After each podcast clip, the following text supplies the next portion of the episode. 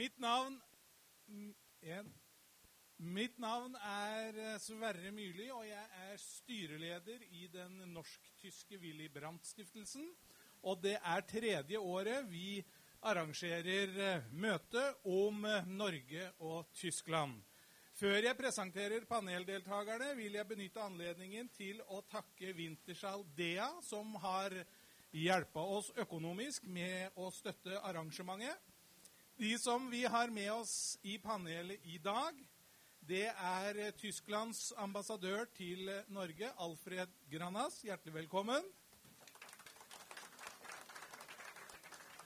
Det er Sten Inge Jørgensen, som er utenriksjournalist i Morgenbladet og forfatter, bl.a. skrevet bøker om Norge og Tyskland. Det er Ingrid Brekke, som er utenriksjournalist i Aftenposten og også forfatter. Hjertelig velkommen til deg.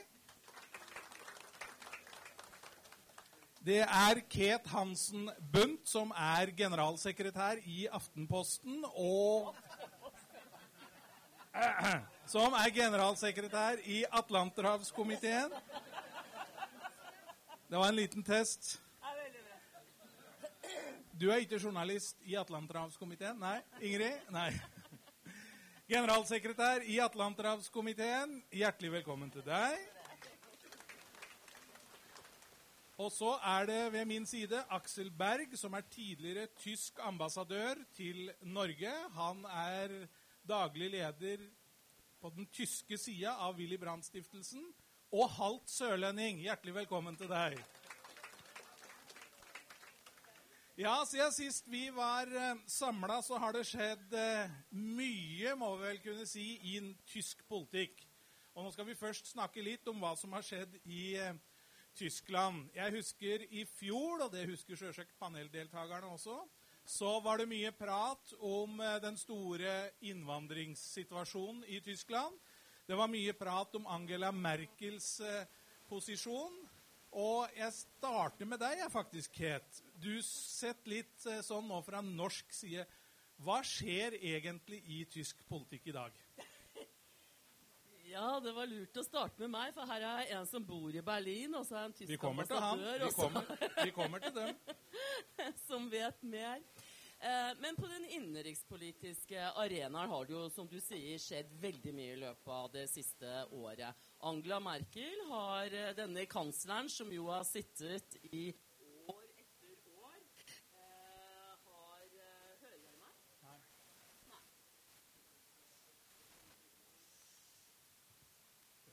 Eh, hører dere meg nå? Ja. Angela Merkel ble altså kansler i 2005, har sittet i eh, helt siden da. Eh, har annonsert at hun vil eh, ikke stille til nye valg, men har sagt at hun er til disposisjon for partiet som kansler frem til 2021. Hun har fått en ny leder i CDU, det kristendemokratiske partiet. Og så har man et sosialdemokratisk parti som nærmest har skrumpet inn. Og mine damer og herrer, dette er Europas eldste sosialdemokratiske parti. Egentlig et parti vårt eget Arbeiderparti er snitt ut av nesa på. Eh, og de får omtrent 13, mellom 13 og 15% oppslutning. De har en sterk lederstrid. Sånn er det jo ofte når det går dårlig på meningsmålingene. Eh, men har gjort det eh, eh, veldig eh, dårlig. Og så har man fått inn dette Alternativ for Deutschland et nytt høyrepopulistisk parti i Tyskland som kun er seks år gammel, som nå sitter i forbundsdagen, og som spiser av de store folkepartienes eh, oppslutning. Så står man overfor tre viktige delstatsvalg i det gamle Øst-Tyskland denne høsten, hvor man er redd for at Merkel og de sittende politikerne får seg en kilevink av dette høyrepopulistiske partiet. Ja, og det kan vel faktisk ganske godt skje. For jeg så meningsmåling fra Brandenburg, som er en av de delstatene som nå skal ha valg. Og der var faktisk da Du kalte det høyrepopulistisk, så da bruker jeg også det begrepet. Da var altså høyrepopulistiske partiet AFD, Alternativ for Deutschland, det var største partiet. Større enn både CDO og SPD. Sten Inge, du har forska mye, skrevet mye om dette. Hva er det egentlig som skjer? Det er jo en eh, en politisk bevegelse som du kan finne også i andre land. For det elementet som ja. Hører dere meg nå? Ja. ja. det ligner jo på det du ser i noen andre land, at det er ulike grupper som vinner frem på bekostning av gamle partier. Og AFD, altså Alternativ for Deutschland, blir jo da Tysklands svar på de, de ytre høyre som vinner litt frem. Men det som ikke ble nevnt her, var jo at de grønne har jo faktisk gått da enda mer frem. Som er da det noen vil kalle nesten sånn sentrumsekstremister. altså de og de er jo også ekstremt uh, vennlige overfor uh, sånn kosmopolitter å regne. altså Alt det som mye de da ytre høyre er veldig imot. Så det er litt sånn motpolene som vinner frem her. Uh, men i de delstatsvalgene da, i Saksen, Tyringen og Brandburg, som er nå i september, så er jo ikke De grønne særlig store. Det er jo i vest de har da hovedsakelig sin base. Så i øst så ser du nå at ikke bare AFD går fram, men der hadde du jo før at linket, altså ytre venstre, var veldig sterke. Så i sum er det nå sånn at i disse tre delstatene så kan både ytre venstre og ytre høyre sammen få over 50% Og det er en veldig spesiell politisk situasjon. Det er jo noe tilsvarende kjenner jeg nesten ikke til altså i Europa i dag. Men er en litt forenkla situasjon? Altså AFD gjør det veldig godt i øst, og De Grønne gjør det veldig godt i vest. Det er litt forenkla måte ja. å si det på? Ja. Ingrid, hva er din betraktning rundt det som nå skjer? Du har jo jobba mye med ja, Polen i det siste, men du også har jo skrevet mye om disse bevegelsene som skjer, særlig i øst. Hva er det egentlig som skjer? Altså, jeg jeg syns jo at det har vært spesielt interessant å se nå at man har begynt å Nå er det jo 30 år siden murens fall, og man har begynt å snakke om hva som skjedde da, på en litt ny måte, syns jeg. Eh, og man ser det nå eh, drevet fram av AFD på én måte, men også litt sånn generasjonsmessig, tror jeg. At man snakker noe mer om hva som skjedde rett etter de vende. Eh, tapene som, som eh, befolkninga i, i da, tidligere DDR hadde, økonomisk og sosialt og, og alt sånt, fordi, fordi eh, næringslivet ble bygd ned, de mista jobben all, Mange ting som skjedde, er veldig dramatisk. Og dette har man på en måte bare skjøvet litt sånn under teppet og tenkt at ja, ja, vi lar bare tida gå, og så blir alt ett Tyskland, og de blir som vest. Og nå begynner det å bli veldig tydelig at det ikke er det som skjer. Og det syns jeg er veldig interessant, at man liksom er i ferd med å fordøye det på en annen måte. Og jeg tenker at AFD er et, symptom på dette, og samtidig så uh, lyver de også en god del om, om, dette fordi de later som det var noe som ble trykt ned på uh, øst fra vest. Men det var jo også veldig ønska fra øst at gjenforeninga skulle gå veldig fort. Eh, sånn at man står i en sånn mm, merkelig og veldig interessant situasjon hvor jeg tror det som skjer i løpet av denne høsten i øst, også vil si noe om hvordan det går som helhet fremover. Spesielt hvis man skal tilbake til partipolitikken. Hvordan skal man klare å danne regjeringa når de store partiene ikke er så store, og de små har blitt større? Og disse kabalene får vi se mange av nå. Sten Inge, du kan dette veldig godt. Det som nå skjer da i de tre delstatene vi har snakka om, eh, og det har jo vært valg i andre delstater de par siste åra, hva kan dette få å si på nasjonalt politisk, nasjonal politisk nivå i Tyskland? Hva tror du kan komme til å skje nå på, på forbundsnivå? Ja, altså det er jo, Tyskland er jo, har jo et tokammersystem. Altså, de kommer inn i forbundsrådet. Uh, og så er spørsmålet der kan det jo få mange sant, som uh, kan da få innflytelse overfor hva forbundsdagen gjør. Men hvis de andre samarbeider veldig godt og slutter rekkene, uh, så er det ikke sikkert dette får stor betydning på føderalt nivå. Så det, det gjenstår jo å se, vil jeg si. altså. Ket?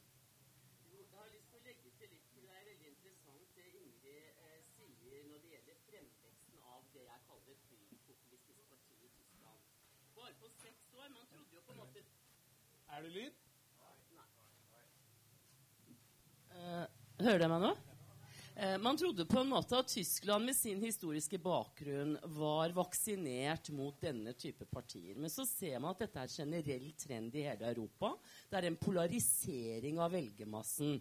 Man får liberale stemmer som uh, samler seg rundt miljøpartier og andre liberalistiske partier. Og så får man ytterliggående både høyre- og venstrepartier eh, fordi man står oppe i en ny situasjon. Mens i Tyskland så får du denne en helt annen dimensjon, fordi at skillet mellom Øst- og Vest-Europa går tvers igjennom Tyskland. Og det har det gjort i 30 år, men man har på en måte ikke snakket like mye om det som Ingrid sier. Så hva er grunnlaget for oppslutningen for AFD? Det syns jeg er veldig interessant. Og jeg tror det er litt sånn Fortsatt så er det 15-16 millioner østtyskere som føler seg litt sånn annenrangs tyskere. De hadde en annen opplevelse etter at muren falt. De ønsket demokrati, men samtidig så førte det til nedleggelse av eh, store eh, fabrikker med tungindustri osv. De opplevde arbeidsledighet og ikke den økonomiske oppgangen som vesttyskerne opplevde den gangen de fikk demokrati etter 1949.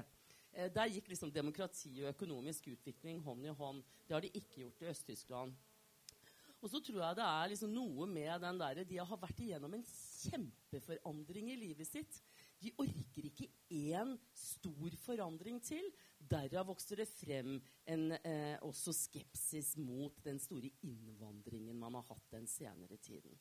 Men dette kan sikkert mine tyske venner på hver sin side utdype. Ja, og da tenkte jeg å slippe til deg, eh, Aksel. Det er så godt i Norge. Her sier vi Aksel. Det er ikke noe doktor Berg eller ambassadør Berg. eller Her er det Aksel. Eh, deler du betraktningene som nå Ket kom med om det som skjer i Tyskland? Litt. Vent litt. Ta den. Den? Ja, OK. Jeg, jeg tulte litt. Han, han, spurte meg hvordan han skulle forestille meg, så sa jeg det er jo klart doktor Aksel Berg, men uh, Det var bare Hvilken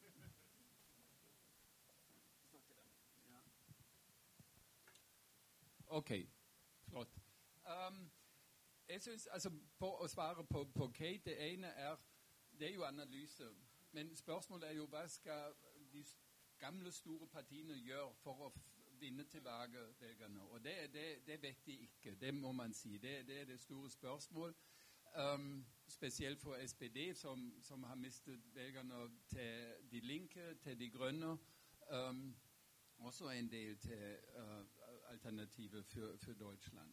Men du begynte med å, å, å, si i fjor, og i fjor da var vi alle imponert, eller uh, snakket vi veldig mye om um, koalisjonsregjeringen, flertallsregjeringen i Tyskland. Og det blir nå enda mer vanskelig i delstatene. Og hvis vi har forbundsvalg om to år, eller kanskje tidligere, da vil det bli veldig vanskelig. Kanskje i øyeblikk ser det litt uh, bedre ut, for vi snakket så mye om AFD. Men De grønne de er, en, altså de er sterkere enn um, Arbeiderpartiet, altså SPD, i Tyskland. Og sammen med CDU kan det være at de får et flertall i forbundsdagen. Og da vil vi ha en som vi sier, grønn-sort regjering, eller på norsk grønn-blå eller blå-grønn regjering. Um, og det, det, blir ja, kanskje lettere enn den Jamaica-koalisjonsforhandlingen de Jamaica vi hadde i fjor, hvor liberaldemokratene var med. Men det må vi ikke glemme. altså Leksjonen fra i fjor var at vi trenger en flertallsregjering på uh, statlig nivå, nasjonalnivå, uh, og også på delstatenes nivå. Men hvis SPD gjør det like dårlig som de nå ligger an på meningsmålingene i de tre delstatene, er det du sier, er at uh, regjeringen kan ryke? Altså forbundsregjeringen kan uh, ryke? Tror du det? Det er bare et spørsmål. Altså, det, det, formelle argumentet fra SPD er de har sånn en mediums hva sier de, intervallomdømmelse. Uh, altså etter to, to, år etter danningen av regjeringen så vil de gå gjennom agenda. Men det blir jo altså hvis de tenker de får mer i forbundsdagen med nyvalg, så vil de kanskje gå ut av regjeringen. Men altså ingen, ingen riktig venter på det i øyeblikket. Men i så fall så snakker vi om et nyvalg? Ja. Men det, da må du ha forbundspresidenten inn i spillet, og, og han var jo veldig sterkt involvert i å danne den store koalisjonen som vi har nå, så han vil heller kanskje fortsette med den. Vi får se. Vi skal ikke foregripe noen begivenheter. Ingrid, vær så god. Ja, jeg skulle bare si at De skal jo også ha et ledervalg i, i SPD. altså Sosialdemokratene skal ha et ledervalg. og så, så, langt jeg har skjønt fram til nå, så er jo de som stiller som kandidater, er jo mot storkoalisjonen. Så det tenker jeg også er et sånn frempek om at kombinasjonen av eh, ledervalg og eh, at de kan komme til å gjøre det grusomt dårlig i disse delstatsvalgene, vil gjøre at det knekker. Ja, og jeg tenker at uh, det at uh, man under i Merkels kanslerperiode har hatt tre storkoalisjoner, forklarer veldig mye av at uh, vingene i det tyske partisystemet har fått økt oppslutning. Fordi her er det nærmest som om Arbeiderpartiet og Høyre skulle ha sittet og samarbeidet i tre regjeringsperioder, eller to og en halv. da. Og det er klart at eh, velgerne har problemer med å se forskjell mellom det tyske Arbeiderpartiet og det konservative partiet. For de står for veldig mye av den samme politikken. Så, som i Norge. Det er helt greit. Og ja, vi skal se på lokalvalgkampen dessverre. Men også fordi at Merkel er blitt beskyldt for å ha trukket det det kristendemokratiske konservative partiet inn mot sentrum i tysk politikk og mot egentlig Venstre. Hun har uh, innført minstelønnsordninger, hun har gjort mye som går i sosialdemokratisk retning. Og dette har jo spist av oppslutningen til sosialdemokratene. Og det har økt motstanden på vingene. Og eh, man ser seg om etter alternativer. Og da blir også De grønne et sterkt alternativ. For man må ha en annen ventil hvor man kan uttrykke misnøye med politikken. Og, og, og du tror Merkel blir sittende uansett? Det, det, er jo ikke akkurat eh, Hva skal jeg si? Det er jo ikke rosenrødt situasjon i hennes parti heller. Det er jo Nei. ikke bare fryd og gammen i CDO heller. Nei, Hun har jo gått av som partileder. Man har fått uh, Anne-Grit Kram Karenbauer, som nå også er blitt forsvarsminister, inn i regjeringen. Eh, så hun har trukket seg som partileder, og hun sier hun skal sitte til neste periode som kansler. Går sosialdemokratene ut av regjeringen, og regjeringen faller og det blir nyvalg, så er Merkel historie. Sten Inge? Ja, bare legge til at uh, Det er jo uh, en av grunnene til at uh, I tillegg selvfølgelig til dårlig oppslutning, til at SPD føler at det brenner, det er jo også at De Grønne nå har jo på noen saksfelt posisjonert seg til venstre for dem. Altså, de vil rulle tilbake noen av de sosiale velferdsreformene som uh, Gerhard Schrøder og SPD sto i spissen for før. Uh, og det er jo dramatisk uh, for store deler av SPDs politikere og velgere altså, å få den type møte. Men jeg tror at om de da ender med at de nå får nye ledere som går litt mer til venstre, og de konkluderer med at de også skal gå ut, så tar det nok lang tid å gjenreise dette partiet. Så det mest sannsynlige er jo da at du får de konservative og de grønne regjere sammen. Og hvis det skulle komme dit at det blir nyvalg, så kan faktisk De Grønne bli størst. Altså det, er, det, er, fullt mulig at det kan skje. Og da får de kansleren også. Nå, nå, Vi skal komme tilbake til dette, men eh, nå skal vi slippe til den tyske ambassadøren, Alfred Grannes. Jeg har venta litt bevisst på deg, for du skal slippe å delta sånn i de partipolitiske betraktningene. Sånn er det jo med diplomatiets eh, kvinner og menn, og særlig ambassadøren. Eh, så jeg skal stille et litt mer generelt spørsmål basert på det vi nå har hørt. Forholdene mellom Norge og Tyskland, med så store endringer som har skjedd og kan skje i det politiske bildet i Tyskland, kan vi også se for oss endringer i Tysklands utenrikspolitikk? Kan vi se for oss endringer i forholdet mellom Tyskland og Norge? Nei. Vent litt. Prøver vi den? Ok, det går. Vær så god. Okay, nei. Um, fordi uansett uh, hvem det måtte være å komme til, uh, til, makten i Tyskland, alle disse kombinasjonene vi har nå hørt om, den er mulige på, nå, på forbundsnivå. Jeg tror ikke at det kommer til å skje store endringer i tysk utenrikspolitikk. Um, jeg tror at uh, tysk utenrikspolitikk følger på, for det første lange linjer og at det er relativt stor konsensus blant de partiene som uh, noe som er mulige regjeringspartiene. Og så um, tror jeg at den aktuelle utenrikspolitikken som vi ser nå, dag for dag, er allerede en kompromiss uh, mellom uh, CDO og SPD, som ikke skulle være disse de temaene som blir diskutert, og ting som man må komme til kompromiss skulle ikke være så stort, sett, eh, stort annerledes hadde det vært eh, CDO, CSO og De Grønne som hadde måttet finne fram til et, uh, et kompromiss. Jeg tror ikke at og i hvert fall ikke visste nå vil det komme til forhold til, eh, til Norge. Det, Norge er et veldig viktig partner for oss. Det skal også bli eh, no, sånn for de utfordringene vi står overfor, eh, de som kommer utenfra, de, er, de nå forandrer seg ikke med en regjeringsskifte i Tyskland.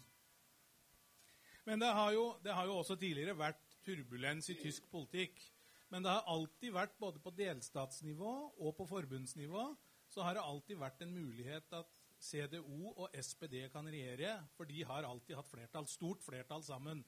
Men nå er vi jo i den situasjonen at i flere delstater så kan SPD og CDO miste flertallet, eller har mista flertallet. Og det kan jo da også skje på et valg på forbundsnivå at SPD og CDO ikke lenger har flertall i forbundsdagen. Du tror heller ikke det vil endre Tysklands uh, utenrikspolitikk? Nei, som sagt, um, de som er mest sannsynlige å komme inn i regjeringen, er de grønne, som på denne siden har ikke og det noe så stort an annerledes uh, idé, uh, ideologi, tilnærming til utenrikspolitiske spørsmål enn du finner f.eks. i SPD. Så det skal ikke Jeg tror ikke at det blir store forandringer i tysk utenrikspolitikk hvis vi har en koalisjon som er sammensatt uh, av, av, disse to partiene som ser ut som, i meningsmålingene i hvert fall, å ha en mulighet til å danne den neste regjeringen. Takk til deg foreløpig. Vi slipper til panelet nå. Og så skal jeg også si til forsamlingen at vi slipper til med spørsmål, eh, kommentarer etter hvert. Så opp med hånda de av dere som eventuelt har noe å meddele, eller stille spørsmål til vårt eh, meget dyktige panel. Sten Inge, du var først ute. Vær så god. Jeg ser en, en regjering eh, hvor de grønne er sterke, kan endre tysk utenrikspolitikk på to områder. Det ene er innenfor energi. De er mot Nord Stream, altså den kabelen over til Russland. Ganske tydelig klare på det. Og I og med at de er et veldig sterkt sånn, klimaengasjert parti, så er det klart det kan også få betydning for den videre energipolitikken. det andre er at De Grønne har markert seg som mye skarpere kritikken mot autoritære regimer. Det gjelder da både f.eks. Kina og Russland, men også internt i Europa. Mens Merkels regjering har vært veldig på den der holde ting sammen og forsonende. Så gjenstår det selvfølgelig å se om de står så hardt på det i en regjering, men det er i hvert fall to avvikende forhold der som jeg tror er ganske viktige. Ingrid? Jeg tenkte bare å uh, si, legge til litt om CDO, altså Merkels parti. fordi uh, jeg tror litt fordi uh, det har gått så forferdelig dårlig med Sosialdemokratene, så glemmer vi litt at det går utrolig dårlig med dem også. Altså, de ligger mye høyere, men de har rast og, og får hele tida sånn historisk dårlig meningsmåling, historisk dårlig valg. og, og de Grønne var en stund største parti, som ble nevnt. og Sånn Sånn at de er virkelig også i en, en veldig stor krise. og eh, det der å se nå hvem som virkelig kommer til å etterfølge eh, Merkel, og om det blir Anne Greth Kramp-Karrenbauer som er sånn pekt på, eller om det blir at, at, partiet gjør det så dårlig at hun får skylda for det fram til neste ledervalg, og så blir det noen andre som stiller som kansler. Og så kan man se at kanskje begynner de på samme sånn lederkrøllgreia som SPD har slitt med i alle år. Så det, det, det er virkelig masse på gang også der.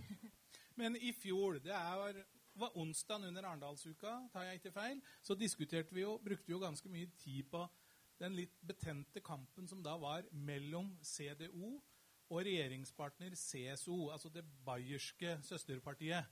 Eh, er det stille? Er det fred og fordragelighet? Det, det er i hvert fall borte fra den politiske debatten i Norge. Ja, de, de, hadde vel en, en runde her i, i vinter, og, si, og, så roa de seg uh, i forkant av EU-valget, var vel sånn som jeg husker det. Fordi da måtte man stå sammen og sånn. Og så siden har de på en måte ikke dukka opp noen nye eh, Altså, Seehofer er jo altså Lederen i CSO er jo alltid Kan du finne på ting når som helst. Eh, men det, jeg tror nå at det er ganske fredelig og greit, og at man er bare så opptatt av at denne regjeringa ikke skal knekke. Det er det eneste man liksom tenker på. Kett? Ja, jeg vil gjerne tilbake til tysk utenriks- og sikkerhetspolitikk. Eh, og jeg tenker at eh, hvis man eh, får et nyvalg Det er jo forskjell mellom partiene. Får man en regjering mellom kristelige eh, demokrater og De grønne, så har man en klar borgerlig regjering. De grønne i Tyskland er ikke noe eh, miljøparti som Miljøpartiet De grønne i Norge. Det er et klart borgerlig parti både i økonomisk politikk og også i en del oppfatninger om hvordan EU skal utvikle seg, f.eks. Og jeg tror det er viktig. Og så er det også sånn at etter et nyvalg så får du en helt ny forbundsdag. Med en opposisjon eh, som vil være veldig annerledes eh, ut ifra hvordan kortene faller. Og Tyskland skiller seg veldig fra land som Frankrike, eh, og til dels Storbritannia og USA. Eh, hvor forbundsdagen bestemmer veldig mye av hva tysk utenriks-, sikkerhets- og forsvarspolitikk skal være. Du kan ikke sende en tysk soldat utenfor landets grenser uten at han har blitt sanksjonert av forbundsdagen. Eh, så dette vil påvirke hvordan Tyskland kommer til å opptre i Nato, hvor mye penger de får til forsvar. Det er her Anne Grit Kram Karrenbauer har gått inn i regjeringen og virkelig skal få eh, utfordringer, kommer man til å bygge et tysk, et tysk forsvar som kan spille eh, en viktig rolle i Nato, og ikke minst i EU, som har ambisjoner om å lage en felles eh, forsvarspolitikk. Uten Tyskland kan ikke Frankrike klare det. Eh, og dette tenker jeg er veldig viktig, fordi tysk utenrikspolitikk på mange måter er mye mer demokratisk. altså I Frankrike så er det den franske presidenten som beslutter om folks de frapp skal settes inn, om en atombombe skal skytes ut fra et skip. Sånn ville det aldri vært i Tyskland. Ikke er de en atommakt, ikke sitter de med fast representasjon i FN. På mange måter så styres tysk utenrikspolitikk av helt andre hensyn. Eh, I fjor diskuterte vi også mulige nye lederkandidater i Det kristeligdemokratiske partiet, CDO. Og en av de vi snakka om, var jo Ursula von der Leyen, daværende forsvarsminister. Hun ble ikke leder i CDU, men i mellomtida så har hun jo da faktisk blitt kommisjonspresident i EU.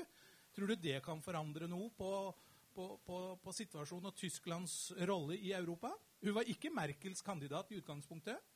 Nei, og her er det mange fortolkninger. Eh, for det første så mener jo noen at dette er liksom et sånn tysk-fransk kupp. Nå er det de store som igjen styrer EU. Ved at man eh, bare feide denne spitsenkandidatprosedyren hvor parlamentet skulle utnevne kommisjonspresidenten eh, til side. Og så fikk man Christine Lagarde eh, til å ta seg av euroen. Og så fikk man altså Ursula til å ta seg av det politiske utviklingen i EU. På den annen side så er det sånn at uh, Tyskland har ikke hatt en uh, leder av kommisjonen siden 1958, tror jeg. Det var Walter Hallstein. Uh, og at man får et synlig tysk ansikt for å drive den politiske prosessen fremover i EU, det tror jeg er viktig. Det vil synliggjøre at Tyskland er et stort og innflytelsesrikt land. På den annen side så sier man det at alle nummer to, både i parlamentet i kommisjonen og andre steder har vært tyskere, og de har hatt mye mer makt. Det er jo liksom et sånt eh, slagord som sier det spiller ingen rolle hvem som er minister under meg, sier deppråden i de ulike departementene. eh, og, og, så her er det flere ulike eh, oppfatninger. Det hun har sagt at hun skal sette på agendaen, er klima ikke minst likestilling. Jeg gleder meg jo veldig over at den første kvinnelige eh, kommisjonspresidenten er kommet eh, til Europa. Eh, hun skal ta seg av yttergrensene i EU, og kanskje også bygge videre på en felles forsvarsplattform. Aksel, med et langt, langt liv i tysk diplomati, tysk utenrikstjeneste, hva tror du om dette? Altså, jeg syntes med, med Ursula von der Leyen som tysk kommisjonspresident blir det litt lettere for oss. For vi hadde Jean-Claude Juncker fra Luxembourg som likte å, å, gjøre oss litt nervøse med forskjellige ting. bilproduksjon eller sånn. Altså, Da forventer jeg ikke så uh, stressende ting fra, fra Ursula von, von, der Leyen. Men jeg syntes, ja, det andre problemet det, men det er ikke noe spørsmål for Norge. Det er spørsmål om demokrati i EU. Um, altså, men også for de som tilhører EØS, kanskje. Men um, det var jo sånn at um, du sa altså Det var ikke Ursula von der Leyen som var Merkels kandidat. Det kom jo ut av Europeisk Folkeparti, eh, EPP, EPP, som hadde sagt uh, vår toppkandidat er Weber. Men han blir ikke likt av den franske presidenten, så har um, Kate en argument mer mot han. Men um, sånn, sånt er livet i, i, EU, så det måtte gå den, den, veien. Jeg må også si en ting til, til Kate. Um, I Tyskland, når vi snakker om um, partilederen Annegret Kramp-Karrenbauer Altså, det er bare få som kan uttale navn med en gang. Kanskje etter en eller to øl. Men hun gjorde det hver gang så fantastisk. I Tyskland sier de AKK for å gjøre det litt enklere for, for, for oss. Men Og det AKK, Annegret Kramp-Karrenbauer, ble jo etterfølger som forsvarsminister i Tyskland. Og det er ikke vel Altså, hun gjorde noe feil i begynnelsen. Og da vil vi se om hun virkelig kan bli etterfølger til Angela Merkel. Alt var jo klart konsipert som at uh, hun blir først partileder. Altså Hun begynte som generalsekretær i CDU. Hun ble partileder, og nå kom hun inn i forbundsregjeringen for å bli etterfølger til Merkel. Men altså, hun får ikke den støtte verken av partifolk eller uh, velgerne i det hele tatt i, i, Tyskland. Og det blir spennende å si hvem blir toppkandidat for CDU hvis vi har valg snart eller om to år. Sten Inge, og så gjentar jeg, hvis det er noen som har spørsmål, så opp med hånda, gi meg et signal, så skal vi slippe dere til. Vi har en foran her, men først Sten Inge. Vent litt, jeg tror ikke du har lyd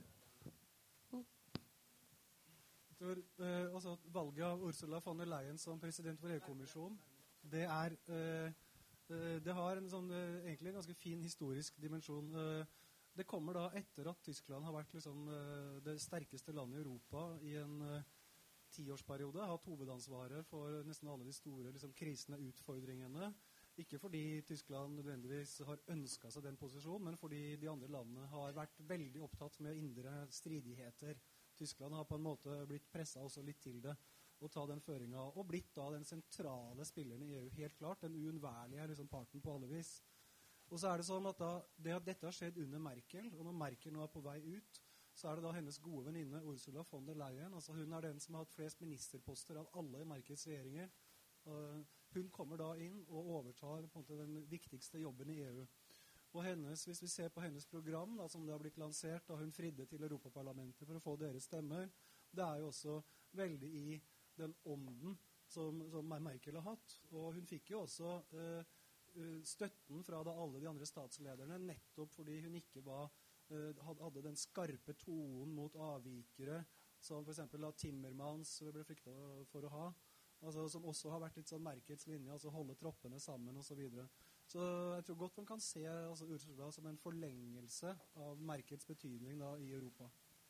Interessant. Da slipper vi til et spørsmål foran her. To, faktisk. Og dere er så nærme, så dere kan komme her og prate i mikrofon. Si eh, hvem du er, og så et kort spørsmål eller kommentar. Vær så god. Mitt navn er Gaute Åge Mjåsat Bjønnum. Jeg skal stille det samme spørsmålet som jeg stilte i fjor. Hva skjer kulturelt i Tyskland nå? Hva skjer kulturelt? Det kan dere få tenke litt på. Og så slipper vi til et spørsmål til her. Hadde du også spørsmål? Ja. Si navnet ditt, og så spørsmålet. Ja, jeg heter eh, Ole Ringdal Johnsen. For noen år siden jeg, hadde jeg navn som et uh, tysk advokatkontor, nemlig at Ole Ringdal Johnsen Haberland. jeg var gift med en tysker og bodde i Berlin. Uh, nå har jeg ikke greid å følge så godt med uh, som den gangen jeg bodde der. Men det, noe, altså det jeg reagerte på, var, var at jeg tror særlig Kate som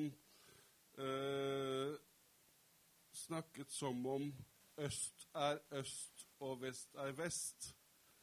Altså det, de, de, de neue Bundesländer er jo veldig forskjellig økonomisk og politisk.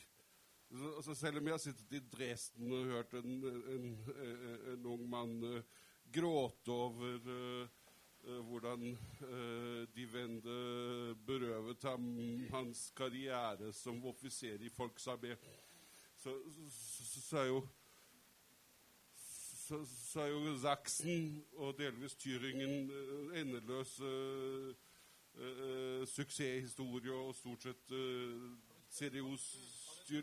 Ja, kom, det kommer. kommer. Men, men, men, mens, mens Brandenburg er en ørken uh, som får all livskraften sugd vekk av Berlin.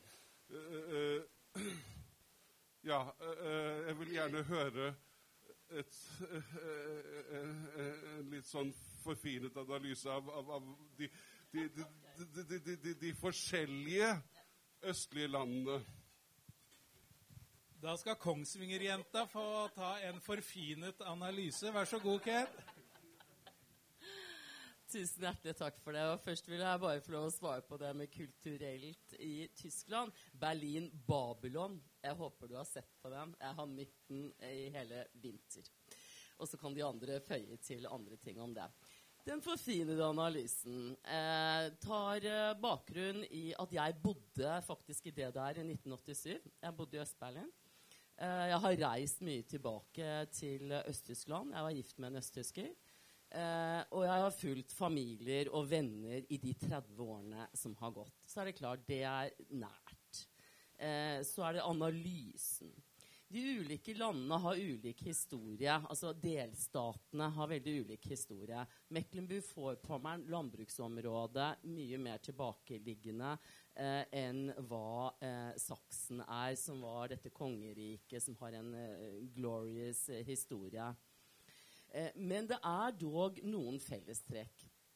Økonomisk så er det sånn at DDR hadde jo en planøkonomi med stor tungindustri som ble nedlagt. Jeg husker jeg hadde venner på kjemiverk hvor det var ansatt 40 000 mennesker. ikke sant? Når det legges ned i en liten by som Svet på grensen til Polen, så er det ikke noe arbeid igjen. 3,7 millioner mennesker fra det gamle DDR flyttet vestover etter eh, eh, gjenforeningen i 1990. Og økonomisk er det ingen altså av de store tyske selskapene som har slått rot i de nye forbundslendene. Folk tjener mindre, de får mindre pensjon, de har også dårligere produktivitet. Eh, men på en måte så er det eh, Og noe av det er fraflyttede småsteder i det gamle det DDR. Eh, hvor eh, de som har vært mest vellykket både utdanningsmessig eh, og på annen måte, har flyttet på seg. Fordi det er til der hvor jobbene er. Ser man på oversikten over de rikeste i Tyskland, eh, og hvor folk er ansatt, så er det altså 1,7% av samtlige toppjobber. Og nå snakker jeg om diplomatiet, forvaltningen, næringsliv, politikk. Altså alle toppjobber som er å telle i hele det gjenforenede, gjenforenede Tyskland. 1,7% kommer fra de gamle DDR. Og det er klart dette I politikken også. Merkel ses på altså Hun er østtysk, men hun ses jo ikke på som en østtysker lenger. Hun er jo en del av den tyske politiske eliten. Og Jeg sier ikke at dette kunne vært gjort på en annen måte eller om eh, hva man skulle ha gjort. Det er bare at det er fortsatt forskjeller. Veldig store forskjeller. Det er ikke de blomstrende landskapene som Helmut Kohl lovet når han sto på torget i Dresden. Ja, nei, jeg skulle bare si at eh, Man må jo heller ikke glemme at en grunn til at det er så lett å, å ta disse fem såkalte nye delstatene og, og smekke dem i en boks, er jo fordi at de er de eh, hva heter det, svakest befolka, minst befolka områdene. For de, veldig mange av de problemene de har, skyldes jo også eh, at de er landsbygd. Eh, og, og derfor har den type problemer. Og jeg hørte, Nå har de nettopp lagd en sånn ny studie av dette, og da ble det sagt at en måte å kunne rette opp noen av disse øst-vest-skjevhetene på, er at man må bare glemme landsbygda og bare fokusere på byer over en viss størrelse. Og da ville man liksom kunne få de byene opp på et eh, bynivå som, som, i vest. Og så finnes det jo all, masse unntak. altså Leipzig og mange flotte byer det går kjempebra med. Og det finnes også masse bedrifter det går eh, veldig bra med. Så skulle jeg bare si noe om den kulturbiten. Og da er det jo nettopp noe med det at, det at Tyskland er alle disse delstatene, det gjør det jo også forferdelig vanskelig å si altså det, Kulturen foregår jo veldig mye og er veldig forskjellig innenfor disse delstatene. Men vi kan jo ikke ha denne kvelden uten å nevne at Norge skal være gjesteland på bokmessa i Frankfurt. Det er jo en stor kulturbegivenhet for oss. Men det er jo også hvert eneste år en kjempestor kulturbegivenhet i, i Tyskland. da. Og ellers er det jo som Ket nevnte, altså TV-produksjonen i Tyskland har vel aldri vært så internasjonal og gjort det så utrolig bra. Så det er noe, ja. Ja, eh, der kom du inne på et eh, viktig tema. Vi nærmer oss slutten. Vi har et par temaer igjen. Eh, og et av de som vi nå kom inn på, det er jo at eh, på den store Frankfurter Buchmesse, som arrangeres hver høst, så er det hvert år et gjesteland. Og Norge er altså gjesteland på den store bokmessa i høst, som vi hørte også Ingrid nå si.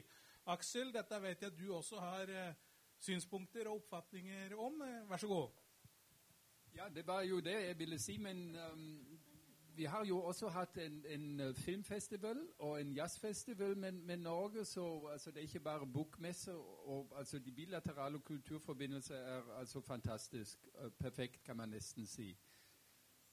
Og kulturlivet i Tyskland som i Berlin er strålende og varierende aktiv. Men vi også har, og det går altså Kulturdiskusjonen i Tyskland blir mer og mer bestemt også fra politiske hensyn, kan man si.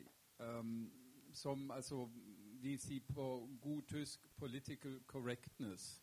At disse argumentene kommer inn i en kulturdiskusjon. Vi har hatt en stor debatt uh, om en dikt som sto på veggen av en universitet, av en, en dikter som uh, beskriver hvordan man ser på kvinner. Og det blir nå uh, tatt vekk, denne dikten pga. at det var altså macho-slags uh, dikt eller sånn. Altså Så vidt går det. Og så vidt jeg kan lese, er det også en, en diskusjon av det i, i, i, Norge.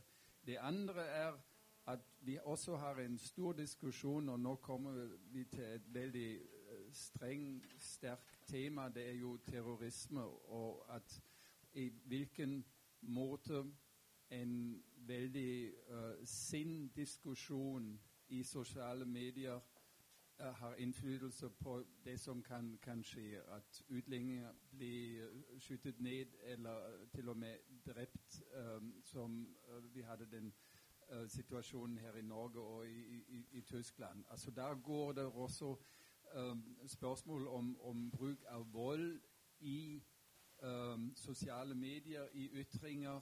Hvor langt går det? og hva må man gjøre for å forhindre uh, en utvikling i den høyreekstremistiske uh, retningen?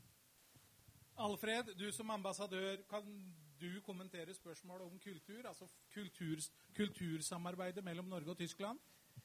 Uh, ja, igjen, som sagt, den er jo utmerket. Og i, i, år er Norges år i, i Tyskland. Som vi sa, det er Frankfurter Bokmesse, det er Chessfestival i Bremen, det er også Berlinale, som uh, Norge har spilt en viktig rolle.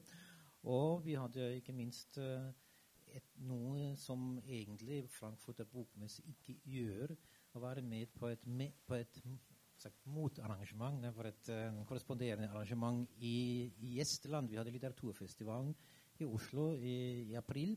Som er det første gang at Frankfurter Bokmesse noensinne har gjort det. Og, og selv støtte og, og være med på sånt uh, litteraturfestival i, den, i Estland, som er et stort suksess. Også fordi de sa i Norge kan vi gjøre det, fordi at, uh, det er en god basis. og det er sånn, den samarbeidet er så god at vi, vi går, inn, går, med på dette, hva vi egentlig ikke gjør.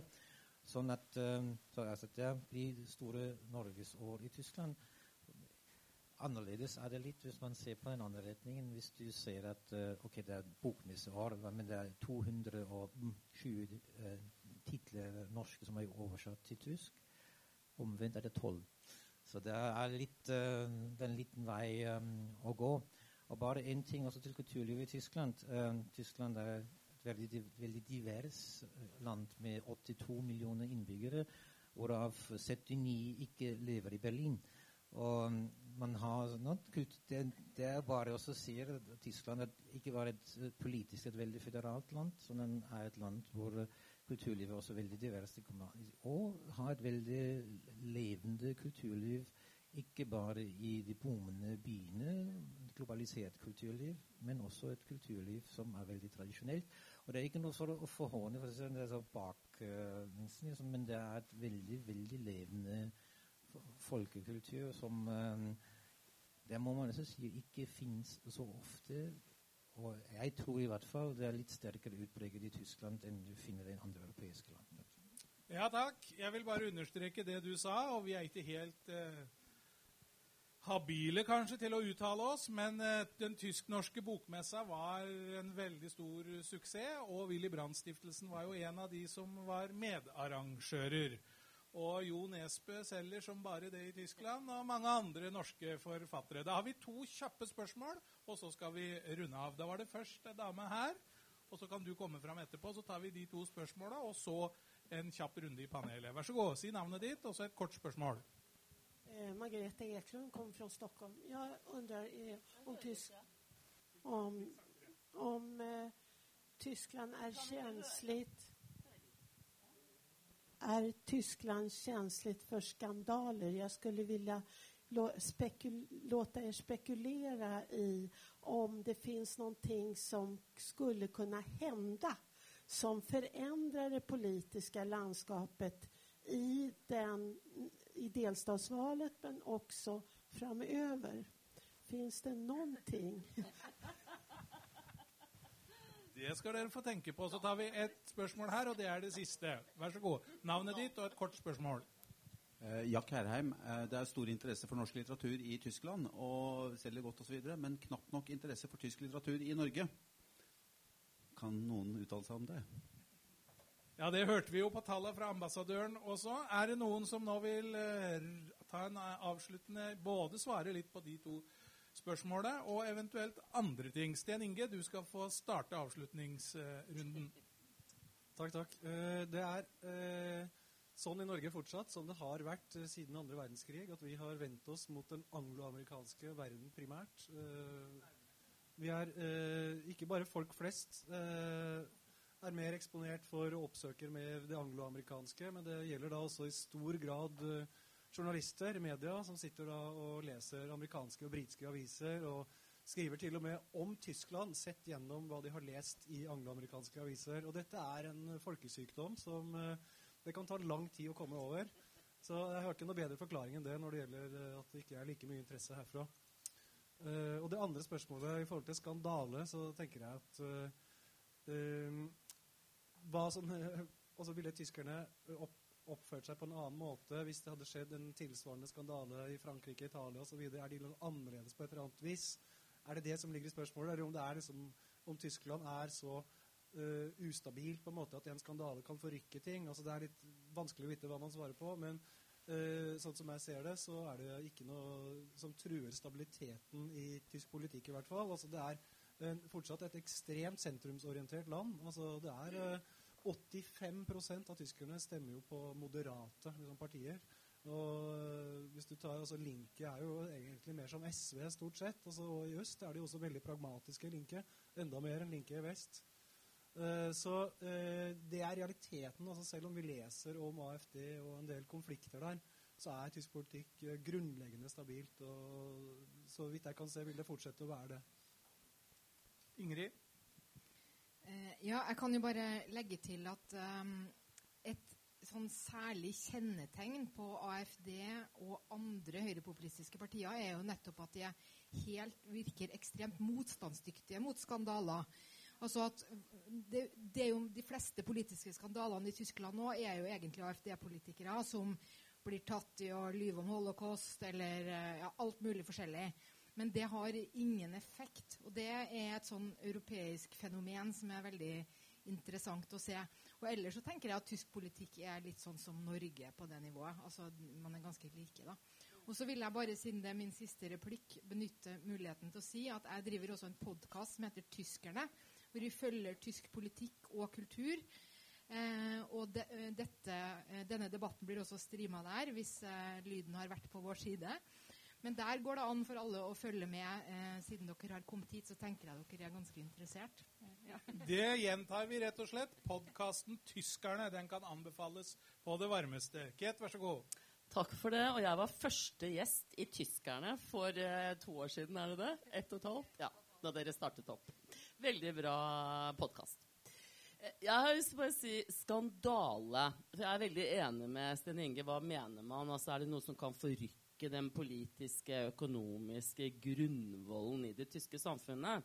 For det ser ikke jeg. Og i et land Dere kan bare gå inn og google 'Merkel på ferie'.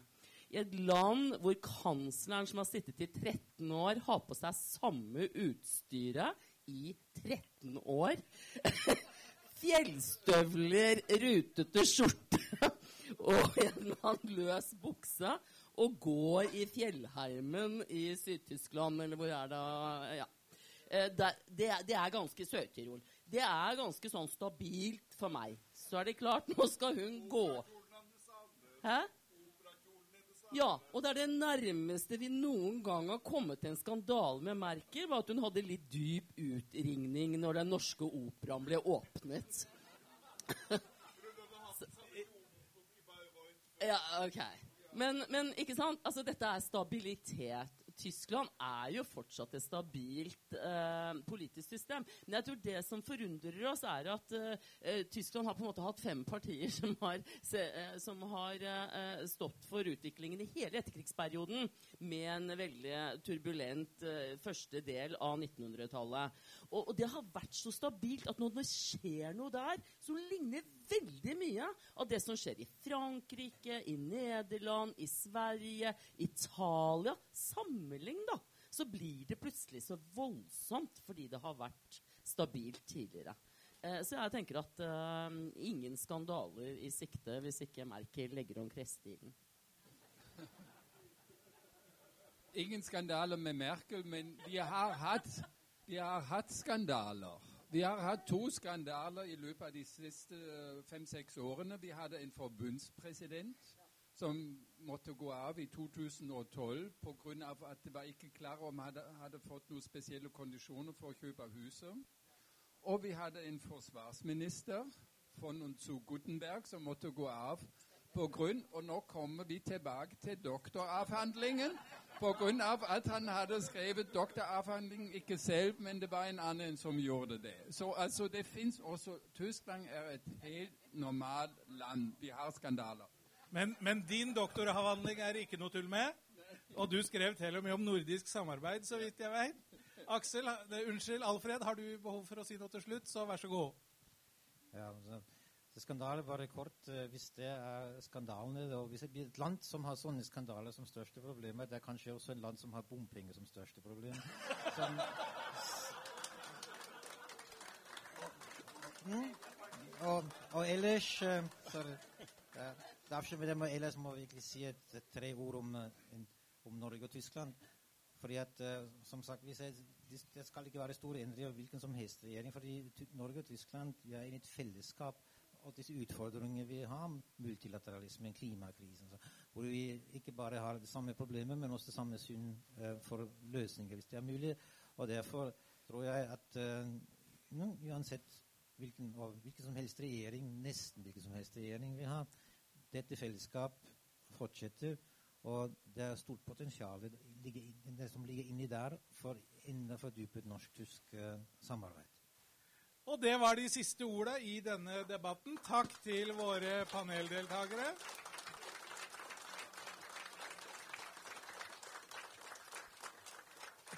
Takk til alle dere som møtte opp. Det er veldig moro at så mange kommer. Takk til de som har fulgt med på streamingen. Takk igjen til Winters Aldea, som har støtta arrangementet økonomisk. Og så følger vi med Kate, Og hvis uh, Merkel stiller i annen skjorte på neste fjelltur, da skjønner vi da, da er det skandale på gang. Takk skal dere ha.